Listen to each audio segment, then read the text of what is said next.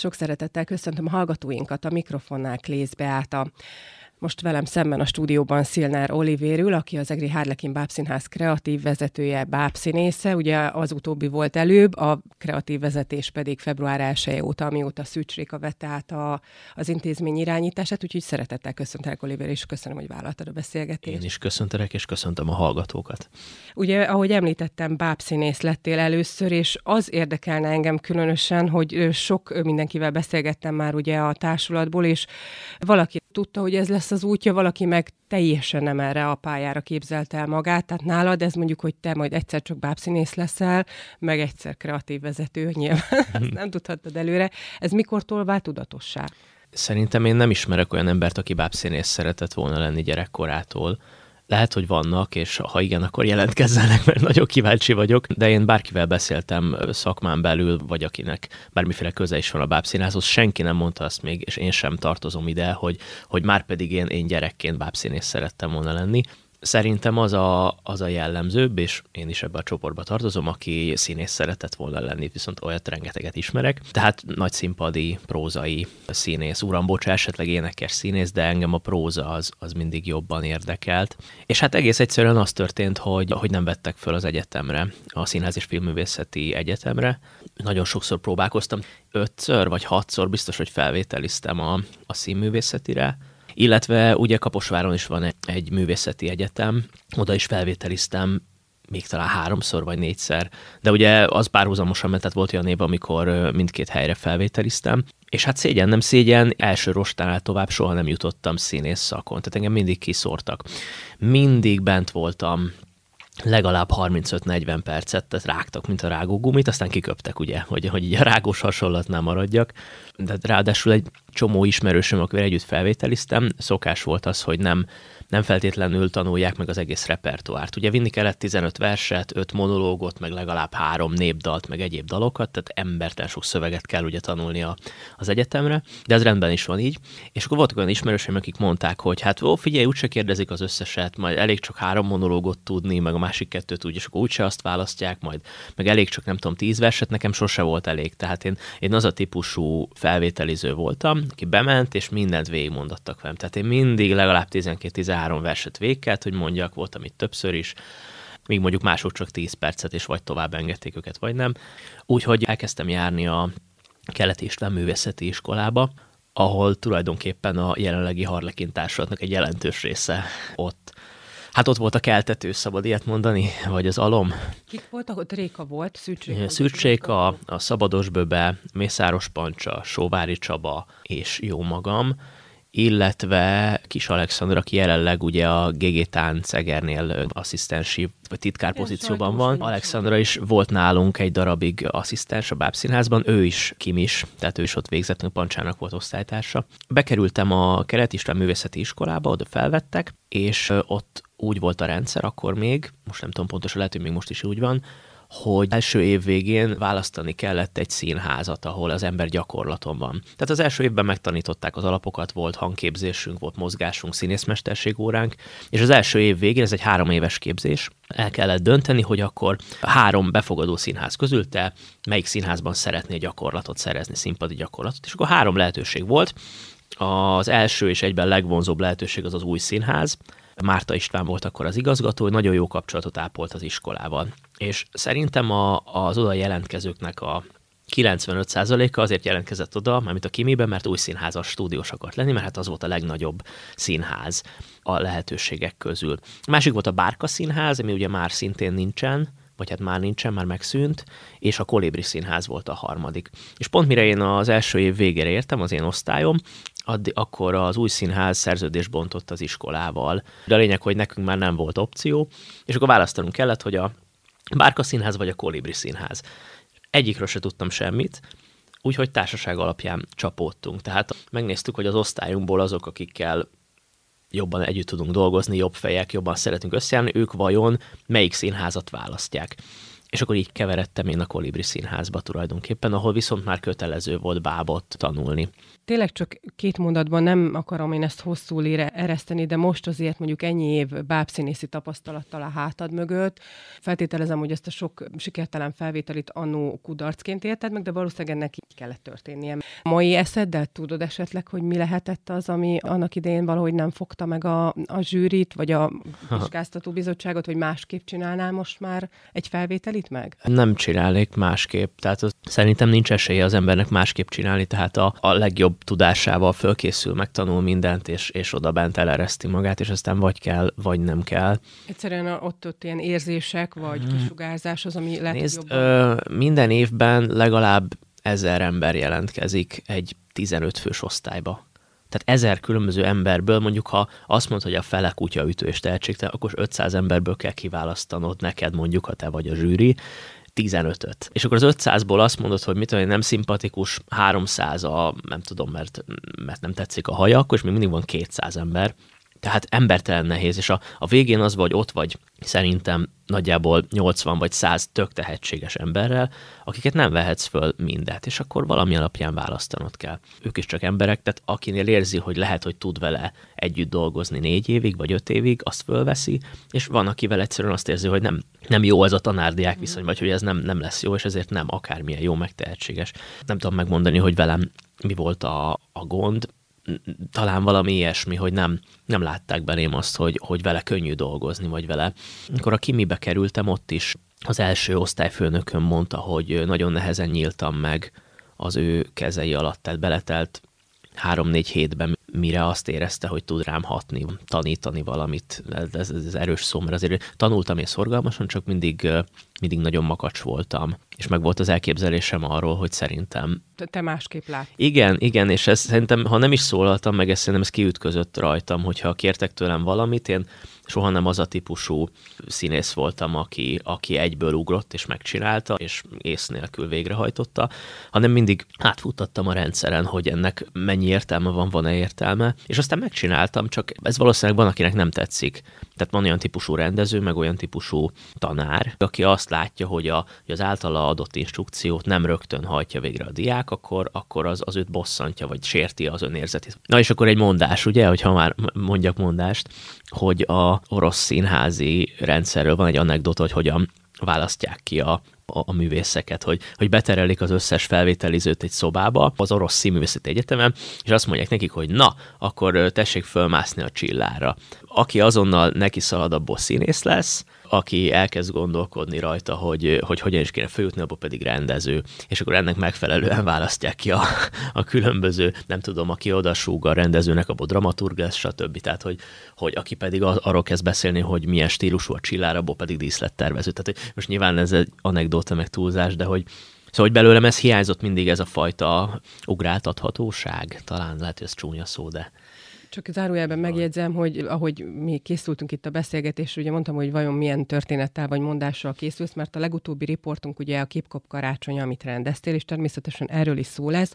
Ott abban a riportban legalább két anekdota volt, nem ez volt. Ez biztos, nem ez hogy nem, mert ez egy új történet Tudok volt. újat mondani, ez jó. és akkor kanyarodjunk vissza. A kolibriből hogy kerültél a Harlekinbe? Na igen, még annyit, hogy a bábos rész viszont, amikor én azzal először találkoztam a, a Kolibri színházban, az nekem meglepő természetes volt. Tehát alapvetően kétféle típusú bábjátékos van, szerintem, úgy, úgy unblock a, a bábszínészek vagy a bábbal foglalkozók között. Tehát vannak bábjátékosok és vannak táncosok. Gondolkodás ügyileg mondom. Nálunk a társulatban is megtalálható mind a két típus. Az egyik nem rosszabb, mint a másik, egyszerűen máshonnan közelít fejben. És én például bábjátékos típus vagyok.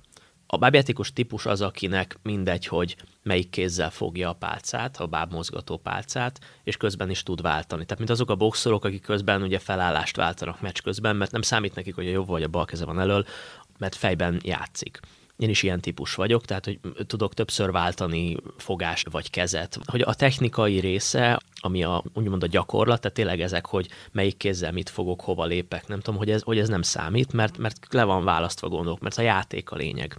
És vannak a táncosok, akiknek muszáj először begyakorolni a koreográfiát, tehát muszáj értenie, hogy melyik kézzel fogja meg a mozgatópálcát, hova néz a báb, mikor, és csak utána tud vele játszani.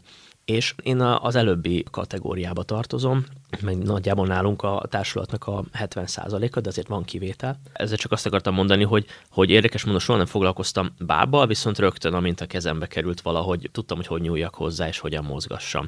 És a Kolibriben, amikor oda kerültem, tehát amikor a Kimiben másodéves voltam, én rögtön kaptam szerepet is a Kolibri színházban, szöveges, bábos szerepet a színpadon. Úgyhogy ott elég hamar kiderült, hogy, hogy nekem ehhez van affinitásom, bár soha nem készültem rá, de hogy nem okozott problémát. Ezt is mondhatom, hogy összönös bábos voltam, tehát hogy tudtam rögtön, hogy, hogy mihez, hogy érdemes nyúlni. Ugye a, a bábosoknak az a szokás, hogy kettő vizsgadarabjuk is van, amit úgy meg lehet tekinteni a különböző színházi vezetőknek a képzés végén. Van egy prózai előadás, illetve egy bábszínházi előadás. A prózai előadásunk az egy Rékúni darab volt, a Páratlan Páros kettő. Azt hiszem, itt is játszanak a nagy színházban, vagy játszottak. Játszottak, és ha ismered az előadást, én voltam a taxisofőr benne, akinek két felesége van, és ez egy ilyen igazi ilyen ajtón ki, ajtón be komédia, ugye? Tehát sok köze nincs a, a bábokhoz, nagyon imádtuk csinálni, fantasztikus jó volt. A másik pedig a H. Jánosnak a Völgyhíd című munkája, ami viszont abszolút egy, egy bábos munka volt, egy ilyen nagyobb bumrakú típusú bábok, tehát kb. ilyen egyméteresek voltak a bábok a, a földtől, azzal dolgoztunk, és egy páros öngyilkosságnak a de egy öngyilkos hajlamú fiúról szól, aki ilyen nagyon szeretett hiányos, és az ő családi traumái, illetve az, hogy az ő barátai hogyan keverednek ebbe, a, ebbe az öngyilkos sztoriba. Bábokkal készítettük el, és akkor ezeket az előadásokat látta Éri Kovács András, aki akkor még viszonylag frissen, talán egy éve volt igazgató itt Egerben a Bábszínházban. Végül hatan végeztünk a, azon az évfolyamon, három fiú és három lány, és ebből három ember kapott szerződést a Sovári Csaba osztálytársamot, tehát vele ketten ide szerződtünk Egerbe, illetve volt még egy, egy osztálytársnőnk, aki pedig Veszprémbe kapott szerződést, úgyhogy így tulajdonképpen ez, a, ez az út ide. Ez volt hány éve? Hűha, ez 2014 nyara. Tehát akkor kilenc éve gyakorlatilag. Kilenc éve, igen. Lassan tíz éve jubiláltok itt. Eltelt ennyi idő, és pont azon gondolkoztam, hogy igen, tehát valaki annyira prózai színész akart lenni, hát azért a bábszínházban a prózaiság az megvan, csak sokkal univerzálisabb ez a feladat, mert hogy ugye énekeltek, táncoltok, és a fő-fő ugye, hogy bábot mozgattok, és ahogy mondtad, ez neked nagyon könnyen, mert nem tudom, ez is valószínűleg típusa válogatja, hogy, hogy az ember így agyban szét tudja szedni, hogy ő tök felé tud koncentrálni, mert hát vannak olyan típusú emberek, akik tényleg egy felé tudnak, azoknak nem tudom mennyire való amúgy a bábszínészet, tehát ide tényleg az kell, hogy, hogy nagyon sok felé tudjatok figyelni, mint egy jó pedagógusnak például. Hmm. Ez azért tehát egy kicsit nagyobb hókusz-pókusznak hangzik, mint ami szerintem a valóságban, tehát ez a sok felé figyelés. Tehát olyan típusú, hogy igyekszem a színházat, ahol csak lehet demisztifikálni, miatt nagyon sokat kaptam már kollégáktól is, hogy hát na, miért, miért kell minden titkot elárulni, vagy miért kell, miért kell ezt lehozni a földre, szerintem le kell borzasztóan le kell. Már csak azért is, mert, és bocsánat, ez egy kicsit off-topic, de hogyha megkérdezel valakit az utcán, hogy mit tanítanak a, a táncművészeti egyetemen, mondjuk nem tudom, Marinénit, nem tudom, a legkisebb faluból megkérdezed, aki életében alig látott, nem tudom, művészeti dolgot, és mit fog mondani Marinéni? Hát, hogy táncolni tanítják őket. Nyilván nem ennyire egyszerű, tehát a táncművészet is, is tudom, mert mindkét szülőm táncpedagógus, uh-huh. és az öcsém is versenytáncos. Úgyhogy belelátok pont a táncművészetibe, de Marinini azt fogja mondani, hogy hát táncolni, hát mit tanulnának. És ugye megkérdezed Marinét, hogy a, nem tudom, a konziban, a, a Liszt Ferencen mit tanítanak az énekeseknek, azt fogja mondani, hogy hát énekelni. És Marinét, mit tanítanak a színművészetén? Hát színészmesterséget. Nem? Na de mi az, hogy színészmesterség? Hát beszélni, meg, meg Na de csak beszélni. De, mi, de mit, mit tanítanak? Hogy állsz ki a színpadra? Mit mondok, hogy állj ki a színpadra? Vagy mi a tananyag? Ha. Tök rejtélyes a cucc. Uh-huh. Tehát, hogy a táncot el tudja képzelni most a laikus ember, hogy igen, sokszor gyakorolják, hogy kettőt jobbra, kettőt balra. Nyilván ennél bonyolultabb, de hogy... Értem, tehát, hogy azt akarod mondani, hogy minden más sokkal megfoghatóbb. A táncosnál látod, hogy nem tudom, rá tud elépni a ritmusra, vagy elég karizmatikus-e, vagy nem tudom. Nyilván egy énekes énekesnél, vagy egy hangszeres tudású embernél látod, vagy érzed, hogy, hogy most ő hogyan kezel ezt a dolgot. Egy színésznél nagyon-nagyon nehéz megmondani. És ez, ez egyébként nem is lenne semmi baj. Ugyanolyan munka, mint bármi más, dolgozni kell vele, csak az emberek nem tudják, hogy mit csinál egy színész a színházban, vagy hogy hogy születik egy előadás például pontosan, tehát akinek nincs ilyen ismerősök fogalma sincs, hogy mondjuk a, a, a színházban. Az egyik kedvenc játékom az ilyen kulisszajárásokon, nálunk is a bábszínházban, hogy megkérdezem az embereket, akik bejönnek, néha van nálunk kulisszajárás, hogy hogy születik egy előadás, mi az első lépés a színházban, fogalmuk sincs az embereknek. Kiválasztja ki a szereplőket, ki oszt szerepet. Kiválasztja ki egyetem, hogy melyik előadás Igen. kerüljön ugye repertoárra. Persze. Na kiválasztja ki? Mindig azt szokták mondani, hogy... Vagy az igazgató, vagy a rendező. Mindig az igazgató. Az igazgató a Joker, ez egy nagyon fontos dolog. Mm. Igazgató kér fel utána a rendezőket mm. a darabokhoz. Vagy olyan is, hogy az igazgató nagyon szeretné egy rendezővel dolgozni, és azt mondja, hogy csinálj valami darabot, amit te szeretnéd, de akkor is az igazgatótól indul minden. És a próba folyamat lépései is, hogy mi az, hogy olvasó próba, mikortól indul egy egyetem, milyen hosszú egy próba folyamat, fogalmuk sincs az embereknek, hát, hogy egy darab. is 6 hét? Kevesebb. Ja. Általában négy hét, elfoglaltságoktól függ, attól függ, hogy közben mennyi előadása van például a színháznak, tehát a színészeknek mennyi idejük van próbálni. Mert... Mondjuk egy nagy két felvonásos előadásnál, és tehát mondjuk egy padlásnál, egy dzsungelnél, egy nem tudom. Padlásnál konkrétan négy és fél hét volt a, a, a próbaideje. A dzsungel könyvének annó az nagyon hosszú volt, az majdnem két hónap volt, de azért az említett okok miatt, mert egyszerűen annyira keveset tudott próbálni. Nem mindegy, hogy egy színész délelőtt délután is tud próbálni, mondjuk két héten keresztül, az nagyon hasznos, vagy öt héten keresztül csak délelőtt tud próbálni, vagy csak délután, mert egyébként tájelőadása van, vagy megy. De mindegy, is a lényeg az, hogy nem tudják az emberek, és arra akartam kiukadni, hogy, hogy én minden ilyet próbálok írtani, minden ilyen misztikumot, amire, amire azt mondják, az, hogy jó, hát ő színész, de hát na mindegy, ez... Egy messzire vezető messzire vezet. És nyilván biztos, hogy van ö, igazad is benne, de én azt gondolom, hogy ez amúgy nem csak a színészetben van ilyen, hanem más Persze. szakmákban is előfordul. Hát szerintem mindenkit meg kell tanulni a helyén kezelni, és ehhez kellenek a, az évek, meg a rutin, meg a tapasztalat, hidd el. Nagyon érdekes ez a téma, amit felhoztál nyilvánvalóan, de engem még sok minden érdekel veled kapcsolatban, úgyhogy Szilner Oliver további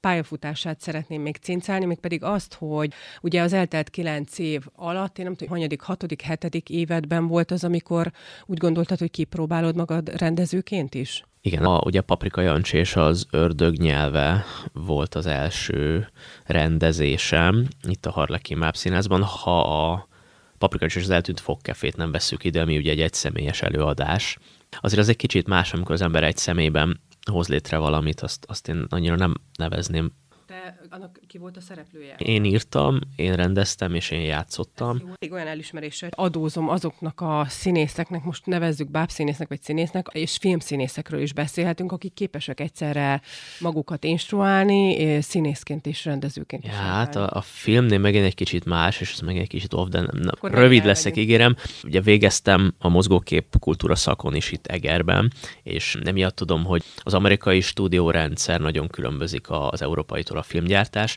és hogy megint egy anekdota, azt szokták mondani, hogy a, az amerikai filmforgatáson a portást megkérdezett, hogy mi a következő beállítás, meg fogja tudni mondani. Tehát annyira szabályosan nem tudom, ez a háromszögelés, tehát van egy totál, egyik vál fölött, másik vál fölött, tehát tudod, hogy mik lesznek a kamera beállítások, és ezért van az, hogy Amerikában nagyon sok színész rendez is, mert ezt a sémát követik. Az európai sokkal szabadabb, tehát ott jobban személyhez kötődik alkotóz, zárójelbe zárva. A figyelem megosztást akartam mondani ami arról beszéltünk még, hogy nem olyan nagy misztikum, tehát hogy illeszd a cselekvényt a szóhoz, ugye Hamlet. Tehát szerintem az egy színésznek nagyon nagy könnyebbség, és erre vannak a próbák tulajdonképpen, hogy bizonyos mondatokat, bizonyos szavakat, akár egy prózai színészről van szó, akár egy bábosról, mozgásokhoz tud kötni rengeteg olyan felújító próbánk van, amikor már a szövegre nem emlékszem, de arra emlékszem, hogy a szöveg dallamában melyik lábammal léptem, vagy mikor jöttem be az adott térbe. Arra nem emlékszem, hogy konkrétan mi a szöveg, de arra emlékszem, hogy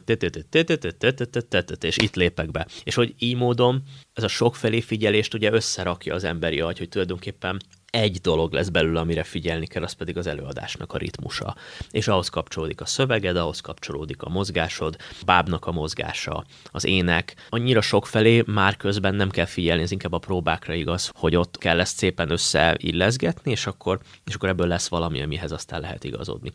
Persze, van, amikor ez megbukik, vagy borul, vagy valaki hibázik, vagy eltörik valami, ledől a díszlet, nem tudom, leszakad a bábnak a keze, vagy a feje, és akkor alakítani kell, de, de egyébként alapvetően azért nem kell szerintem 85 felé figyelni, elég csak 2-3-4 felé mondjuk egy színházi előadásban. Aki elindul a pályán, vannak olyanok, akik 80 éves korukig színészek, bábszínészek, stb. Nem mindenkiből lesz rendező. Mi az, amikor az ember azt érzi, hogy neki muszáj a másik oldalt is kipróbálni? szerintem alkat kérdése. Amit mondtam, hogy én már az egyetemi felvételiken is mindig átgondoltam a kapott instrukciót, hogy érdemes-e megcsinálni, vagy nem.